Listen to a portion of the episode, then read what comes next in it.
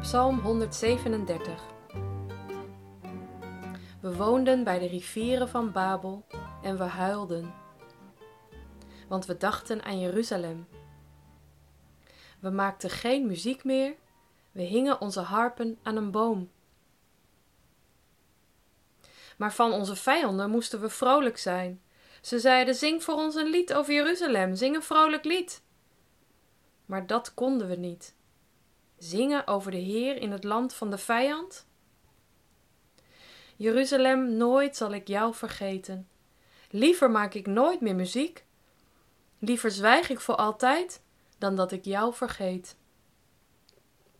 Jij bent het liefste wat ik heb. Heer, straf de vijanden uit Edom. Want toen Jeruzalem werd verwoest, riepen ze: Weg met die stad, breek alles maar af. Babel, ook jij zult verwoest worden.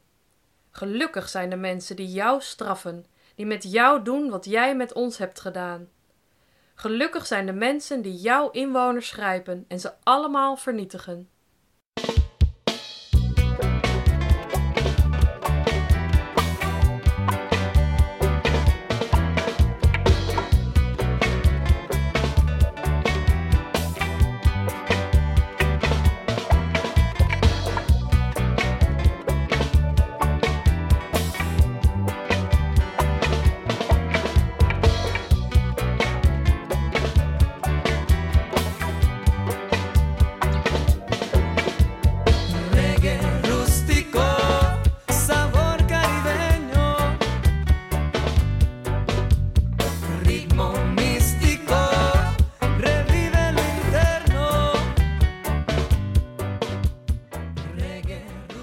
Velen van ons kennen deze psalm als een lied van de discogroep Boney M uit de jaren 70.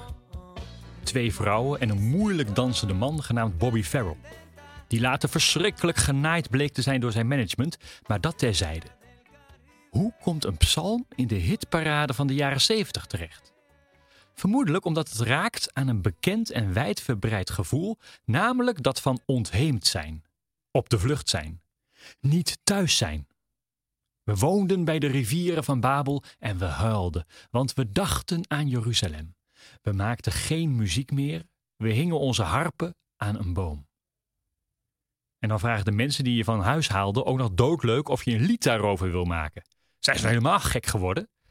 Maar dat konden we niet, dicht de psalm. Zingen over de Heer in het land van de vijand. Zie je dat de Heer hier samenvalt met het land waar men woonde? Je huis en God, die zijn verbonden met elkaar. De psalm eindigt dan ook in een woede aanval van de psalmist. Gelukkig zijn de mensen die jouw inwoners grijpen en ze allemaal vernietigen. In het Hebreeuws staat er nog wat straffer: die jouw kinderen grijpt en op de rotsen verplettert. Dat zijn harde uitspraken. Terreur, zeggen we vandaag de dag. Dat deugt niet. Maar is het voor jou voorstelbaar om weggevoerd te worden uit je eigen land? Weggevoerd als vee? Tot slot, Boney M. maakte dit lied niet zelf. Zij hadden het weer van een Jamaicaanse reggaegroep, de Melodians. Je hoort ook de Rastafari-invloeden in dit lied. Rastafari, dat is het geloof dat de zwarte Ethiopiërs en hun koning eigenlijk de nakomelingen waren van koning Salomo en de koningin van Seba. Voor de Rastafari was dit nummer dus heel herkenbaar. De rivier is de Atlantische Oceaan, Sion is Afrika en Babylon is Amerika. Precies. Dit verhaal gaat ook vandaag nog over de slavernij en je niet thuis voelen in het land waar je woont.